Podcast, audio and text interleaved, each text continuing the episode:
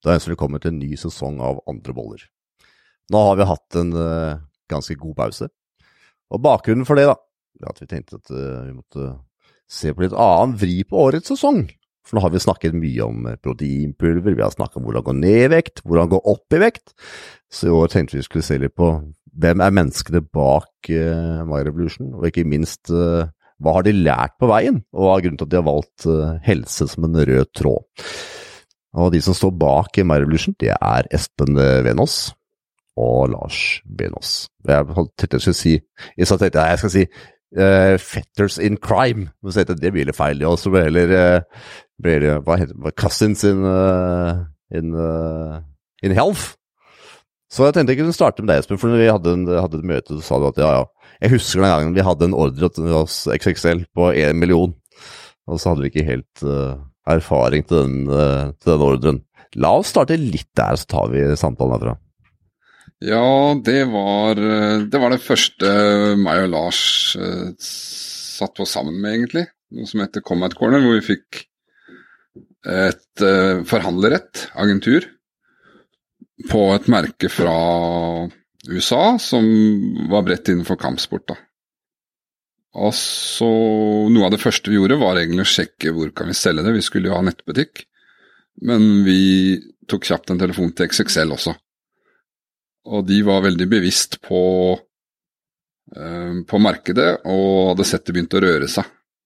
Så det er, ja, kort fortalt så ble det den største fakturaen jeg til nå har sendt. Tilbake i 2015. Men det jeg tenker at man får et agentur Altså Bare ta med opp telefonen til XXL. Det er, ganske et stort steg, da. For XXL er jo på en måte ikke noen liten, liten butikk heller. Det er ikke en sånn butikk på hjørnet, liksom. Så du skal ha litt baller for å ta telefonen og sette seg og ringe.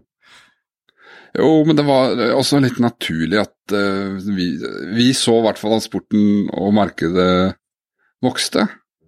Så hvorfor ikke bare gå til de som burde selge, selge det? Og som hadde flest butikker. Så det var litt skummelt òg, men det var veldig ryddige folk og helt vanlig. Men i andre boller så har vi hatt mye fokus på mestring og hvordan få ting til osv. Og, så og det er litt det jeg tenkte kunne vært kjernen på de samtalene her. da. Hva var det som gjorde at du faktisk hadde hva skal jeg kalle det, erfaringen til å ta et sånt steg? For, for et agentur er jo ikke enkelt i seg selv. Man skal jo man skal jo overbevise noen for å få agenturet uten noens varer, og så kan man gjerne overbevise den som skal selge varene ut for deg etterpå.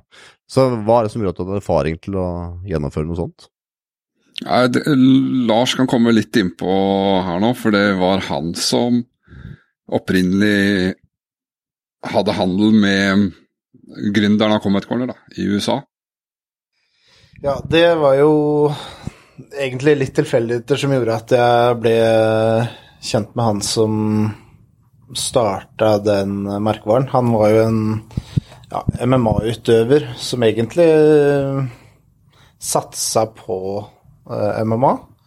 Men så var det det at uh, ja, som veldig mange andre som satset på sport, så var det litt skader og litt ting som gjorde at det ikke gikk. Og så valgte han heller å gjøre det som han tenkte var the next best thing, som var å starte et, en ny merkevare. da.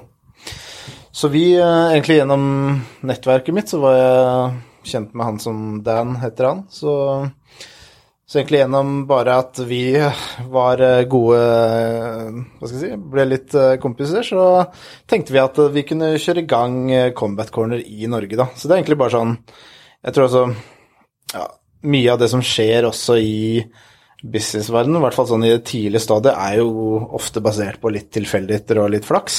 Så Sånn er det i veldig mange caser, og det var det også litt uh, her, da. Så når vi tok, uh, eller fikk agenturet på det, så, så, så strakk vi tidlig ut en arm til eh, XXL, da. Og, men det er veldig enkelt. Det er bare å ta opp telefonen og ringe, sånn som, sånn som alt annet. Hvis du skal ha fått ned livet, så må du ta Må gjøre noe aktivt, og så de fleste er jo redd, redd for å feile, da. Det er der de fleste stopper. ikke sant? Redsel for å få nei, eller jeg får vi ikke til, eller ikke sant? Det er, mange, mange fryktere. Så hva var det som gjorde at dere klarte å overkomme den redselen for å få nei og bare klemme til?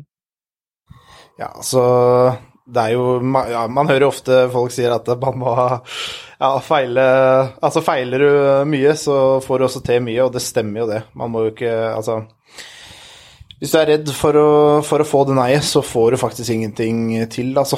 Det er sånn det er. Um, men et nei er jo bare et nei, og så går liksom livet videre, så Jeg har alltid vært sånn, for jeg har jo barn. Og han på syv, han er jo veldig redd for å si nei. Nei, veldig redd for å få nei.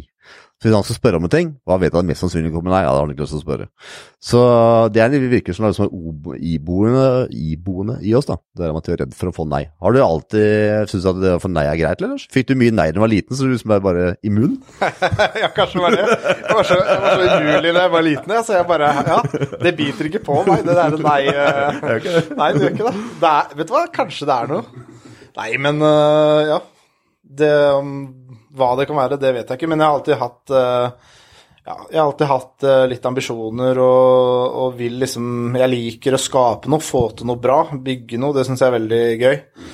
Og sånn som Ja, ti, altså i begynnelsen av 20-åra så prøvde jeg meg liksom bare denne Eller bare, det er ikke bare bare, men da var jeg jo ansatt i ja, for, forskjellige selskaper og liksom kjente litt på hvordan, hvordan det er, og det det kan være veldig fint for mange, det, men for meg så følte jeg at eh, jeg trengte å utfordre meg selv skikkelig, da. Så det var egentlig det som gjorde at jeg gikk litt den gründerveien, og den gründerveien, den er ikke den er ikke så det er, lett. Det er en rett linje, det, Lars. Ja, ja, ja, det er bare Nei, ja, ja, jeg har jo Ja, den gründerveien har vært eh, lang, og jeg har eh, Ja, jeg har Hva skal jeg si Jeg har liksom hatt den for å gå litt på litt mer sånn på litt mer personlige ting, så har jo den veien vært veldig lang for meg. Jeg har jo hatt uh, ja, utfordringer med liksom Sånn som alle andre som starter for seg sjøl, så er det ofte litt sånn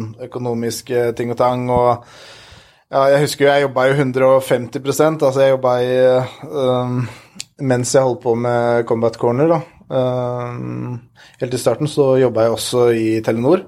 Så jeg jobba jo kveld og helg på Telenor, og så jobba jeg Combat Corner på datid. Så jobba 150 uh, levde på 50% lønn og hadde jo ikke råd til å kjøpe julegaver når den tida kom, så det var til, liksom, til familie og, og, venner. Så det, det, var jo veldig sånn Det er veldig tøft. å det ble boksehansker det året der? Ja, det blei Ja, ja, ja. Den ene jula blei det boksesekk til søstera mi sammen med boksehansker. Det var liksom det de, det de gikk i.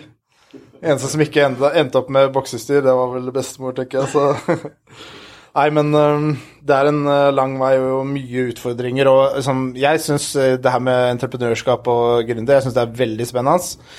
Og, og, elsker det, men man må være villig til å liksom virkelig uh, strekke seg litt, altså, fordi at det, det krever sitt, altså. Så jeg har egentlig respekt for alle som velger å gå den veien. Og jeg tenker at Det er mye å lære av det. da. Entreprenørskap, de som, og de som gjør det, har man mye å lære av, også i livet. For det handler mye om utfordringer. Espen, du er jo like mye gründer, du. Ja, altså vil jeg bare kneppe Eller skal du bare sitte på sida der og bare sitte kose deg nå, eller skal du slippe helt unna samtalen? Nei, Ja, nå var det behagelig. Men jeg vil bare kneppe to hakk tilbake når vi snakka om det med redd for å feile og redd for å si nei, og hvorfor vi torde det. Så uh, bare Vi må ikke havne i den klisjeen at uh, vi skal være en sånn uh, Vi må ikke kan vi klippe? Ja, bare fortsett. Hva skulle jeg si nå? Det er det som er det fantastiske med podkast, vet du hva det er? Da får man jernteppe, man blir usikker og glemmer at det er en vanlig samtale. Hadde ikke vært mikrofonen vært der, så hadde det liksom vært en helt vanlig samtale. Hoppe et par hakk tilbake med det med å at vi ikke er redd for å feile, eller at du ikke er redd for å få nei. For det eh, scroller du på Instagram og hører på motivasjonscoacher, så er det veldig mye bare å kjøre på. Mm. Men det ligger veldig mye i å finne noe du syns er litt gøy, da. Mm. Og for oss så kanskje det er Det trekker litt mot det nye, på en måte. Mm. Være litt innovativ. Mm. Og det kan være seg noe vanlig som nye produkter, men da, da har du den lille sparken da, som gjør at eh, da blir det naturlig å kjøre på med det. Men det nye er jo egentlig Jeg vil tilbake litt med feilene, for, for jeg, det har jeg kjent lenge. Lars, eh, Espen. og Lars, det har jeg kjent sånn halvveis lenge. Og det, er ing og det er ingen av dere som er eh, redde for å feile noe. Altså, dere møter en, utfordring, og så måtte tar dere utfordringa som kommer. Og det er jo livet også. Ikke sant? Mange putter huene i sanda, og så står de med huet der, og så står beina til værs. Men hva er grunnen til at dere ikke havner ned der? Altså, Hvordan angriper dere på en måte en utfordring som gjør at ikke beina står i været og huet er rett ned i sanda? Ja, da vet jeg at uh, jeg har blitt veldig flink til å sette ting i perspektiv, egentlig. Og så se forbi det. Uh, og så kanskje prøve å dra noe positivt ut av noen problemer. For det, for det er det alltid. Uh, men hvor den der egenskapen kommer, eller hvor du begynner med det, det, det er bare å få nok problemer. Så kommer du til andre enden litt hardere. Ja, du har jo hatt ansatte, Espen. Ja, og du har jo drevet en bar. Og da vet man at det er ofte litt gjennomtrekk, og det er vaktlister som skal opp, og så videre. Det er ikke alltid er, måtte, Når du Hvis jeg husker riktig, så hadde du ikke drevet noen bar før du begynte å drive en bar? Nei, uh, det er sant. Og det var 13 år. Det var solgt i oktober i fjor, så da var det kapitlet over. Det utgangspunktet der er jo selvfølgelig ja, masse yngre folk. Tradisjonelt sett veldig stor rullering i bransjen. Uh, vi prøvde å ikke få det, og da leiter du kanskje litt annerledes etter folk. Og ikke minst så legger du til rette for at det, det skal være et bra sted å være. Um, og da, da får du en kontinuitet på de ansatte i en bransje som tradisjonelt sett ikke har noe så høy kontinuitet på ansatte, så, og da blir produktet mye bedre for gjestene. Uh, så ja, det var mest å Jeg, jeg syns at den Altså det i forhold til når du drev uh, utested så lenge, det jeg syns var veldig bra med det, er jo litt den visjonen du hadde for uh, Altså et lite Du snakker om visjon, og så har du et lite utested i Skien. ikke sant, Du selger uh, hva skal jeg si, alkohol og Ja, så, men, men, så var det den visjonen ha, dere hadde for det utestedet, hva er det den var igjen? Det var Det var Vi skal gjøre byen, altså da Skien, til et hyggeligere sted å være på kveldstid. Det kom alle som begynte på bar, kom inn i det. Det var noe av det første de møtte. Så selv på et bitte lite sted, så, så, det gir mening. Det er individer og mennesker som kommer og skal jobbe der, mm. og kose seg, og Ja, men, ja, ja og det, det må ha liksom hva skal jeg si, ha respekt for de menneskene som kommer inn døra, og de menneskene du skal altså, servere alkohol og gi en Altså sørge for at de har en best mulig kveld. Det syns jeg er veldig viktig, og det går også både til det i forhold til med Combat Corner, og, og det som vi holder på med nå i forhold til My Revolution. Det å ha respekt for kundene og sette kundene i førersetet, det er viktig i forhold til avgjørelsene man gjør. Jeg tror at hvis man gjør det og, og har det, det som som grunnleggende verdi, så tror jeg man kommer veldig mye lenger, og det er mye morsommere å, å jobbe, og man, man, man, gjør bra ting for andre, da, ikke sant. Um, ja, for det jeg tenkte, det er jo En ting er å ha menneskene i fokus, ikke sant, men så er det veldig ofte business-mindede mennesker har veldig ofte ikke mennesket i fokus. De har tall i fokus, men ikke menneske i fokus. Og sånn som jeg kjenner det, så er det ingen av dere som på en måte liker, da, liker konflikter heller. Sånn som jeg kjenner dere, i hvert fall. Business-mindede mennesker veldig ofte liker konflikter. De driter i om det er konflikt. Så dere er jo ikke de typiske forretningsmenneskene som man heller møter dere liker mennesker, liker måtte ikke konflikt osv. Så, videre. så hva er det som har gjort at dere måtte ha lyktes med å drive butikk hvor man egentlig ikke kan plassere i båsen av businessmindede mennesker? Da tok jeg jo veldig og putta noe i bås her, da. er dere uenige eller uenige, enige eller uenige i påstanden? Nei, du er jo inne på noe Du er inne på noe der. Uh, det er uh, Ja, jeg vet ikke hvor det kommer fra, men alltid brydd meg om andre mennesker. Og det å drive et utested da har Det begynte jeg med også, og det ligger flere år tilbake, det òg. At det, det, var mye mennesker og mye kamerater når vi var barn rundt der vi bodde. Vi hadde liksom logistikken til det. Uh, så jeg har alltid lurt på det, hvorfor havner jeg der? Mm. Um, men jeg har vært nysgjerrig på Ja, hva skal en si? Um, også gjøre noe kult. Være litt den som um, gjorde noe kult også, det var jeg innom. Og det begynte kanskje når jeg var 13-14 og blei med uh, foreldrene, besteforeldrene mine til Sverige og hamstra Tiger Scott og kinaputter. Thunder King fikk jeg ikke lov til. Og så hadde jeg barnerom på bakkeplan. Etter skolen så åpna luka der, det var vindu.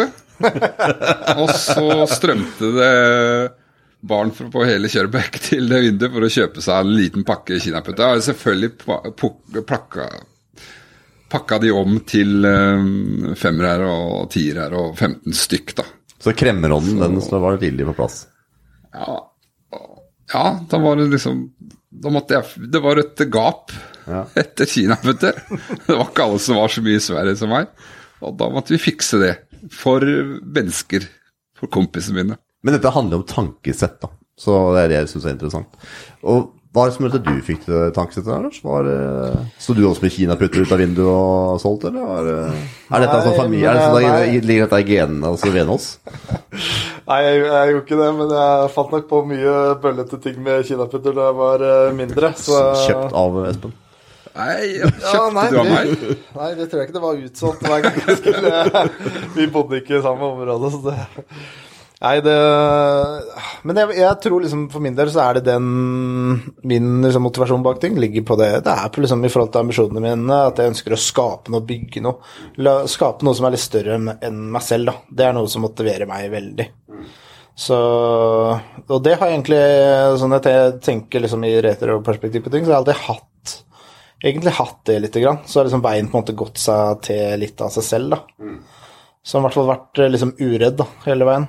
Uredd er riktig. Ja. ja hvordan gikk dere på en måte fra å selge boksehansker og leggbeskyttere og boksesekker til å drive med kosttilskudd? det er jo Kan jo kanskje si at det ligger litt i samme bås, men samtidig ikke? Ja, altså Skal jeg ta den? Ja. ja. Det var jo vi Gjennom Combat Corner så henvendte vi oss til Emil Webermek og Thomas Formoe som egentlig var to de mest kjente MMA-profilene i Norge. Eh, Thomas også på den tida der. Eh, og Thomas eh, Formoe, han var jo sponsa av My Revolution. Så det som Så det er egentlig veldig tilfeldig. Vi, her òg? Hæ? ja, tilfeldig her òg? Ja, det var det. Han var, han var sponsa de, og så syns vel egentlig Fikk jo veldig godt uh, forhold til disse to. Og så, og, ja, så visste jo Thomas det at han som hadde dreiv uh, My Revolution den gangen, han var uh, Han ville egentlig gå litt sine egne Holde på med litt andre ting. Mm. Så han var interessert i å ja, å selge det selskapet, og så ble det egentlig naturlig at vi Eh, at vi tok over det, da. Og, og jeg syns egentlig det at det var veldig spennende å jobbe med en merkevare. Det å, å bygge fram en merkevare er noe jeg syns uh, gir meg veldig mye energi og glede, da. Og så har du igjen det at det var Den fantes ikke andre steder. Den var unik. Og der toucher du litt innom det innovative og det unike igjen. Ja, for vi har jobbet sammen over flere år, og jeg har merket at den røde tråden er på en måte helse. ikke sant? Så merkevaren er helse. Altså produktet er mest mulig, best mulig helse. Så hvor er det på en måte helsekonseptet, hvor er konseptet med helse Tanken om helse? Hvor er liksom den kom inn? For jeg tenker jo at boksehansker og sånn, det slår folk. Det har jo på en måte stikk motsatt av det med helse. Så hvor er liksom helsa kom inn, hvorfor ble det viktig? Altså, ja man tenker gjerne det at eh, sånn MMA-boksing handler om å, ja, det er, å, å skade si folk, men uh, ja, nei, det, egentlig så er det jo bare mer Det er jo bare en treningsform, så, så det er uh, Men jeg tror liksom det Det liksom ble bare naturlig at det ble den inn i den sjangeren der. Og så liksom er det det at det er veldig Det er veldig kult å kunne være en sånn positiv uh, Ja, en positiv faktor i livet til folk. da, Kunne tilby folk ja, hjelpe det å bli en sterkere og bedre versjon av seg selv og ikke sant? Um, leve en bedre livsstil. Det, synes jeg, det er jeg veldig takknemlig for, for da, og setter veldig pris på. Og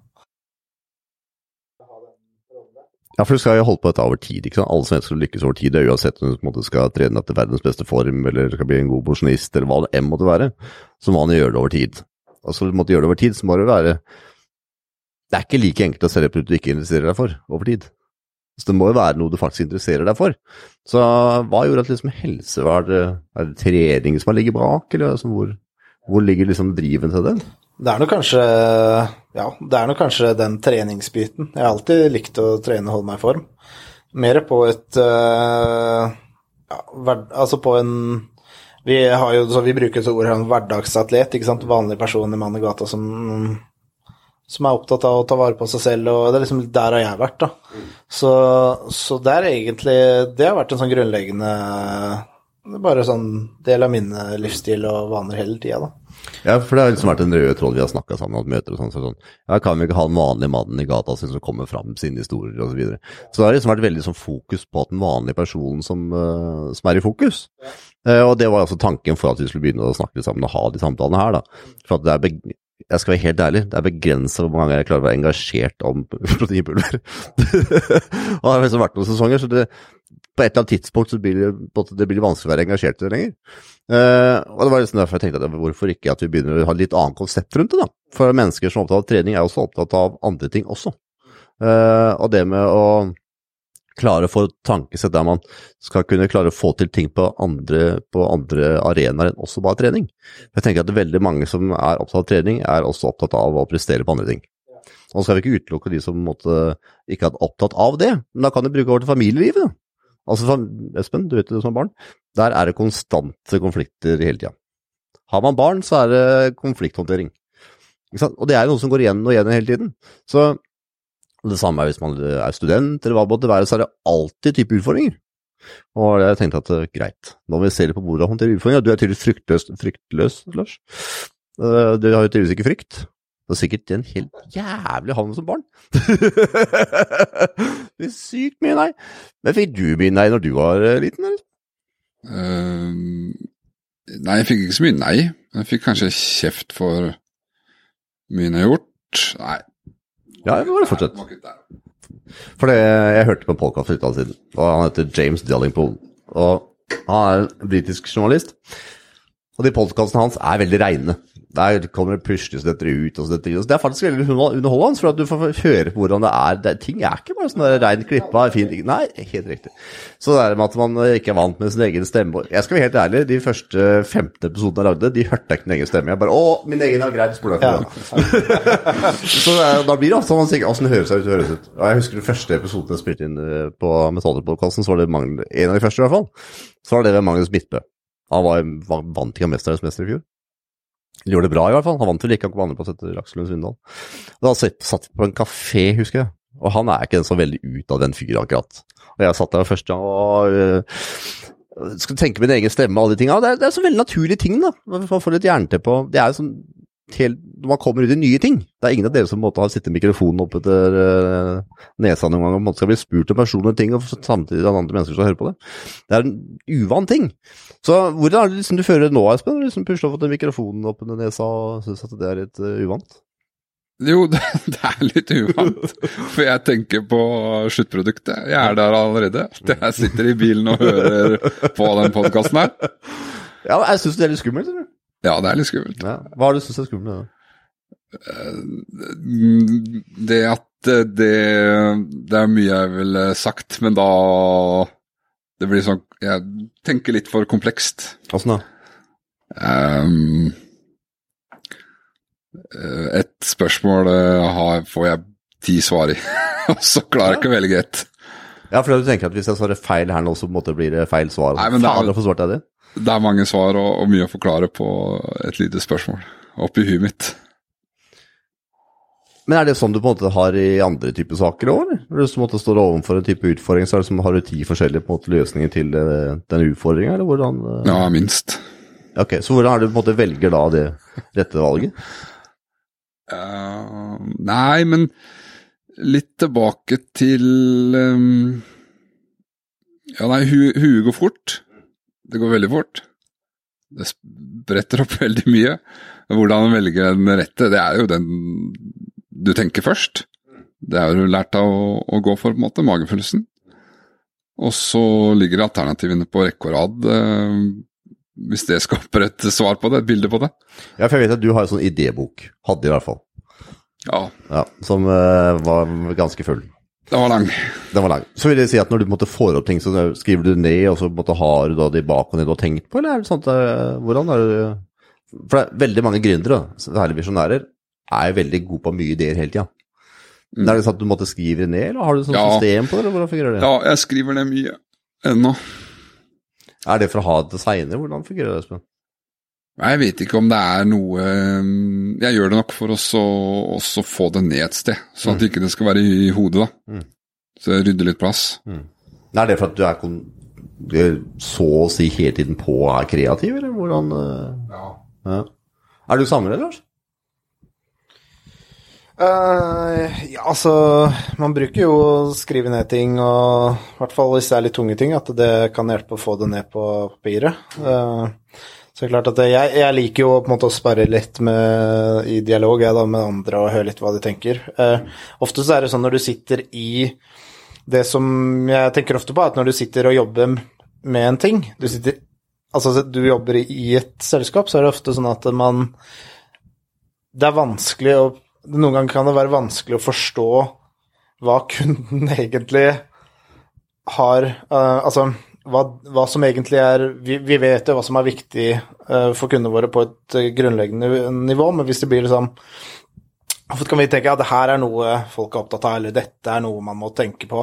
Men så er det at van, vanlige folk kanskje egentlig ikke er uh, så opptatt av akkurat det, men man blir litt blind da, for, for hvordan man skal snakke, f.eks. Ok, jeg jobber jo mye med markedsføringa til My Revolution, og da blir det litt sånn type at ja, ofte som jeg tenker litt på hvordan, hvordan er det egentlig Hvordan er det jeg snakker nå, liksom? Er det, er det her riktig språk til dette publikummet vi, vi snakker til? Får vi fram de viktige tinga rundt liksom merkevarene og produktene våre? Og, liksom, og det, det syns jeg liksom er eh, utfordrende. Men det, jeg, jeg bruker liksom sperringspartnere da, i, i dialog, og gjerne også folk som er kanskje litt utafor Ja, som ikke jobber i selskapet òg, da.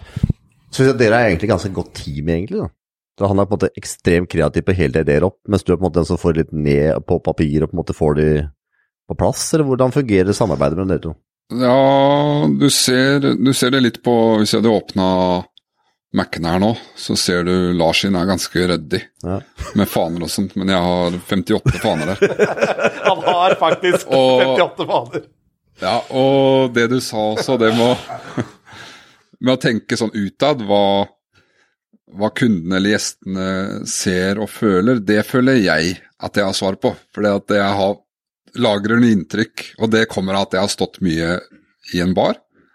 Jeg har vært interessert i de som kommer, for det er noen som kom til et sted som jeg drev. Men var det bartenderen som måtte alle satt og prata med, og på en måte var eh, hva skal jeg si, hobbypsykologen som alle prata med når de syntes at ting var tungt utpå kvelden? Ja, jeg kunne ta den rollen òg. Så er det selvfølgelig noen som uh, Du har alt mulig av mennesker der. Mm.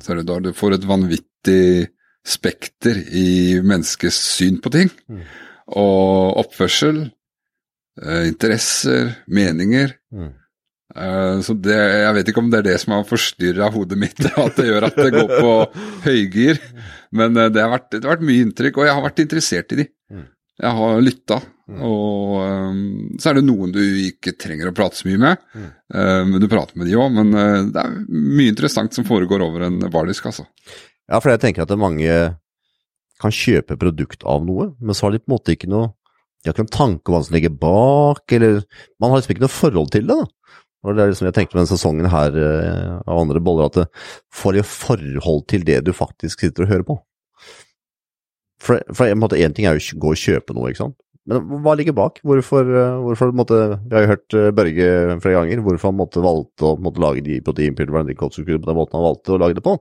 Men vi har ikke fått hørt hvem som faktisk får dette produktet ut. Altså Hvem er det som markedsfører, hvem er det du hører, altså hvem er det som faktisk driver butikken. Jeg tenker at Det er viktig det òg, for det, er på en måte Én ting er å lage produktet, men du skal faktisk, eh, den butikken skal jo gå rundt på. Og da skal det være samspill, for det å måtte drive en butikk er ikke lett. Det er ikke bare én butikk som driver med kosttilskudd. Nei. Det er mange. Ja, det er det.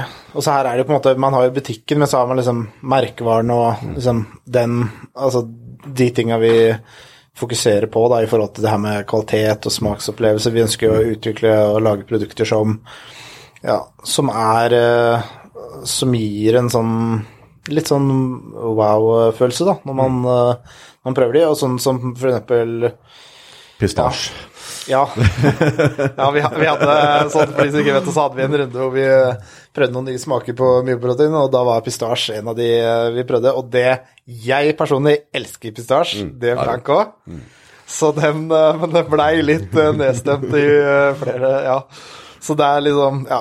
Men, eh, men på Man må liksom ha ja, tenke på kundene, og så sette de eh, i førersetet. Og så, og så, jo, så det, det jeg ofte tenker på, er det at vi, vi jobber med ting folk konsumerer, det er ting folk eh, spiser. Så det skal vi, eh, det skal vi ha veldig Ja, det er noe vi skal ha respekt for.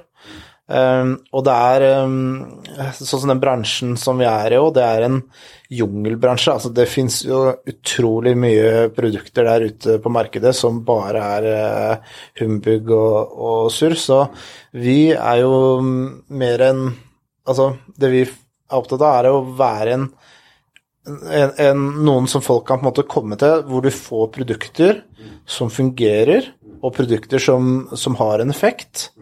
Eh, og da høy kvalitet, du får, du får riktig dosering, du får det du skal.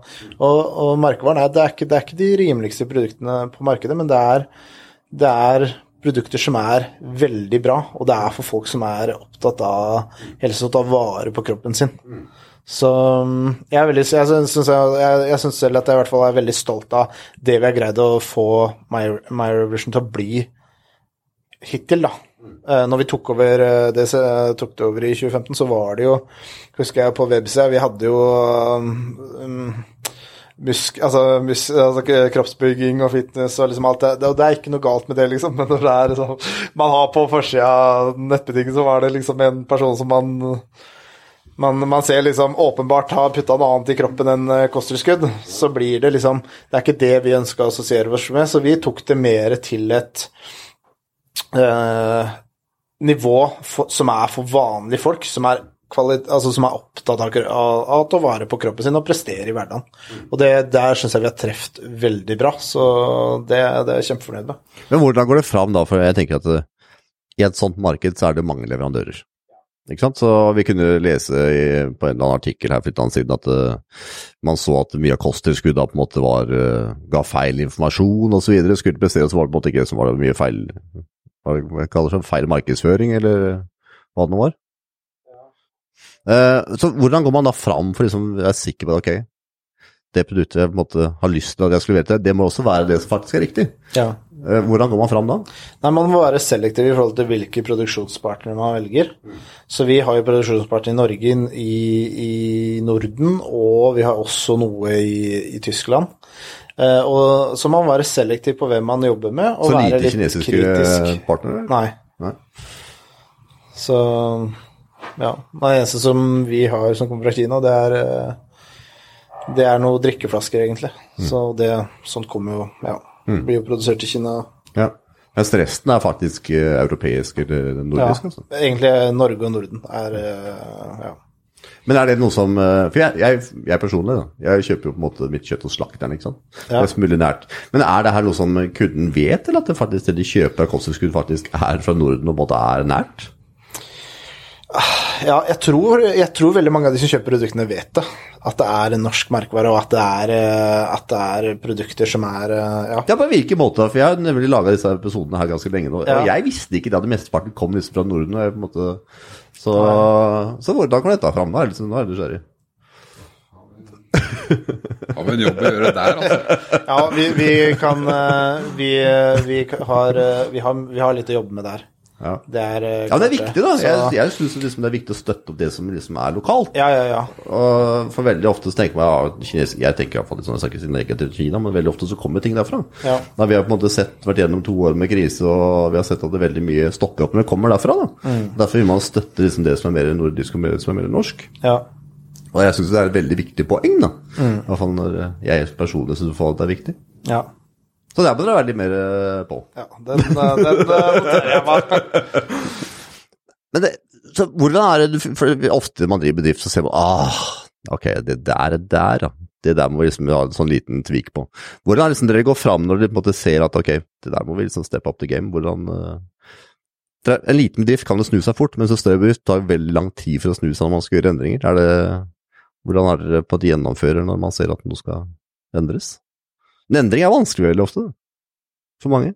Ja, tenker du på produkter, eller? Nei, jeg, tenker generelt, du sier at eksempelvis at du har et produkt, jeg vet du, produktet det, det var ikke noe særlig salg på. Det var dårlige produkter for at kanskje ikke markedsføringen traff, eller hvis du sier at noe ønsker å endres, da. Hvordan liksom går dere fram i en sånn type prosess? For de fleste vanlige mennesker liker jo ikke endring, mens en bedrift så må endre hele tida. Eller forbedre, da, hvor man ønsker å Hvordan går man fram da? Skal jeg bare ta den? Ja, betal den. Ja, altså nei, endringer sånn sett, det er jo veldig lett. Det er jo bare at jeg snur eh, stolen min 90 grader. Og så, altså så, spør jeg hva syns du, hva tenker du rundt det, Espen? Nei da, men eh, vi har jo Ja, det, er, det handler om å Ja.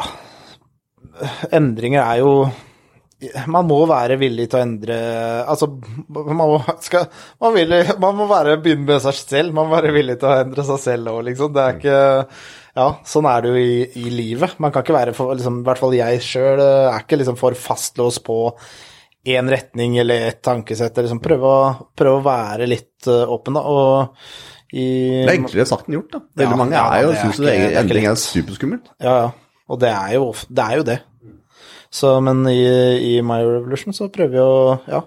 Det er, ikke, det er ikke lang vei for å gjøre en endring på noe som helst, men, men ting sånn sånn som produkter som folk har handla over lang tid, og liksom som de kjenner til, det, det skal man ikke endre, for det, det er det folk vil ha.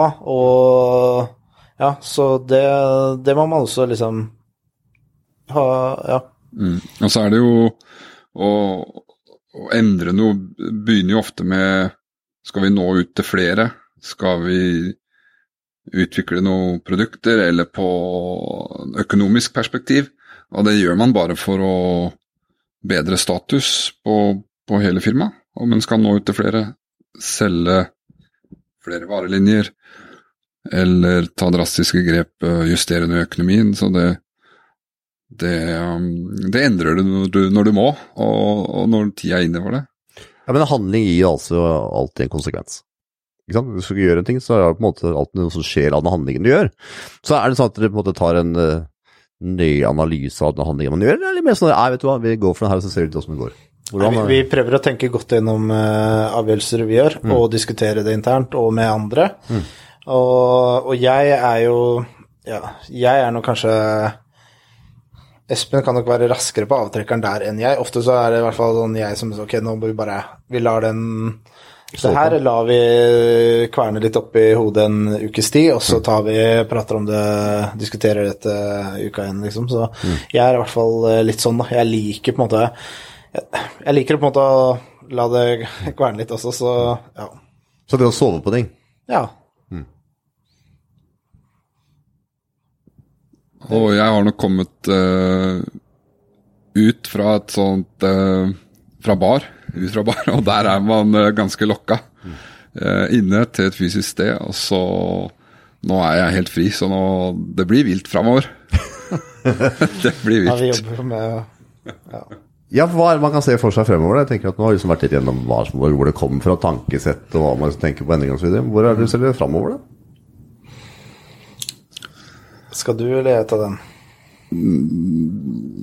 Jo, hvordan vi ser det framover ehm, Det har jo vært veldig fokus på at eh, vi skal bli gode på én kanal, og det er nettbutikken. Mm. Eh, og i flere år lagt mye ressurser og, og tid i den. Så og det er jo én ting som vi har på blokka, det er om en skal se på visse produkter som fortjener en annen kanal for å nå flere mennesker. Eh, det er én ting.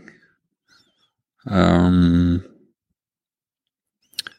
så er det konstant på produktsida med utvikling av det.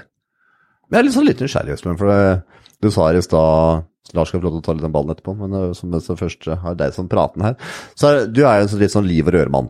Jeg kjenner dem såpass. Du liker på at det skjer ting, og det er litt sånn action, og du måtte ja, litt den greia der.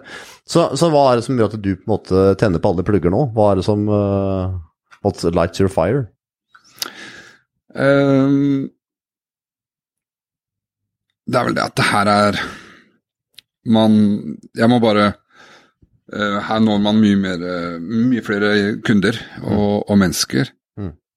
Og posisjonen til Marevolution er ganske unik med at uh, vi utvikler alt selv. Mm. veien er kort fra fabrikken til, til her, og den er veldig kort i distanse også. Så det er jo det potensialet man, man sitter i og kan påvirke mye mennesker da, med gode, trygge produkter. Mm. Det er mye det. Det er ikke det som lights fire, vet du. Hva er det som, hva er det som gir deg full gass? Eh, Det er Nei, man kan Det er litt den der Det er en unik merkevare. Ja. Og man kan påvirke og, og nå mange mennesker med det som som får trygge produkter. eh, Hva er det som driver deg? Hva er det som driver deg? For nå nå bare sporer du av. Hva er det som driver deg?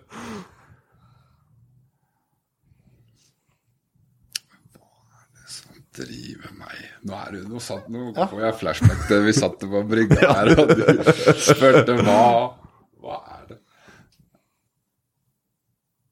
Nei, jeg, jeg må lokke svaret mitt på det. Jeg vet ikke. Nei. Nei, men det er grunnen til at jeg maste litt. Og og nå var det to stykker som pressa mot Espen opp Ja, hjørnet. vi trykte den opp i Ja, hjørne her nå. eh, og, og grunnen til det er for at du som hører på, så skal egentlig reflektere over det selv. For at man, eh, man gjør ofte ting, og så er man egentlig ikke klar over hva som faktisk driver seg selv. Mm. Og det er eh, viktig å bli litt sånn påminnet noen ganger, for man kan ofte gå litt inn i den vanlige tralten, og så har man kjørt seg litt fast i et spor og sier ja, faen, hva er det som egentlig trives, hva er det som egentlig light my fire? Så hva er det som light your fire, da, eller? Nei, det er det å skape noe. Bygge noe. Det er det jeg liker. Det er ikke noen tvil der. Nei. Nei. Det er eh, la, ja, skape noe som er uh, mye større enn meg. Det Og- driver meg. og hvor er du ser på en måte Revolution i fremtida, da? Det er eh, Ja, i fremtida så tenker jeg det at vi eh, Ja, vi eh, gjør den Gjør det samme vi gjør i forhold til sportsern- altså kosttilskudd og sportsernæring. Så og så har vi også utvida kanskje litt sortiment også i forhold til at vi egentlig at vi tenker mer livsstilsretta, og ikke bare Vi tenker ikke bare ah, ok, kosttilskudd og det der, men, men vi skal tenke mer hva kan vi gjøre for å, for å gjøre det lettere for folk å leve sunt og leve bra og være fornøyd med seg selv? da. Fordi at det altså, tar du gode valg i hverdagen, så, så er du mer fornøyd når du legger deg på kvelden òg. Så liksom, hva kan vi gjøre for å hjelpe andre og, og ja. Veldig bra, Lars. Ja, da må Ja, bra, Lars. Takk. Jeg må si takk til dere begge, da. Og det her ble tatt litt på sparket. Ja. Og det er ingen her som får forberede seg på forhånd. Og i alle fall ikke for mine spørsmål, for de kommer bare rett fra levra hver gang. Så jeg syns det her var veldig bra, gutta. Så Ja. til neste gang så har dere fått litt trening. Så Espen, Ja. det kommer flere av de pratene her, vet du. Så, eh, Jeg skal vurdere å stille. Jeg er med, jeg er med. Takk skal du ha Ha det bra. Ha det.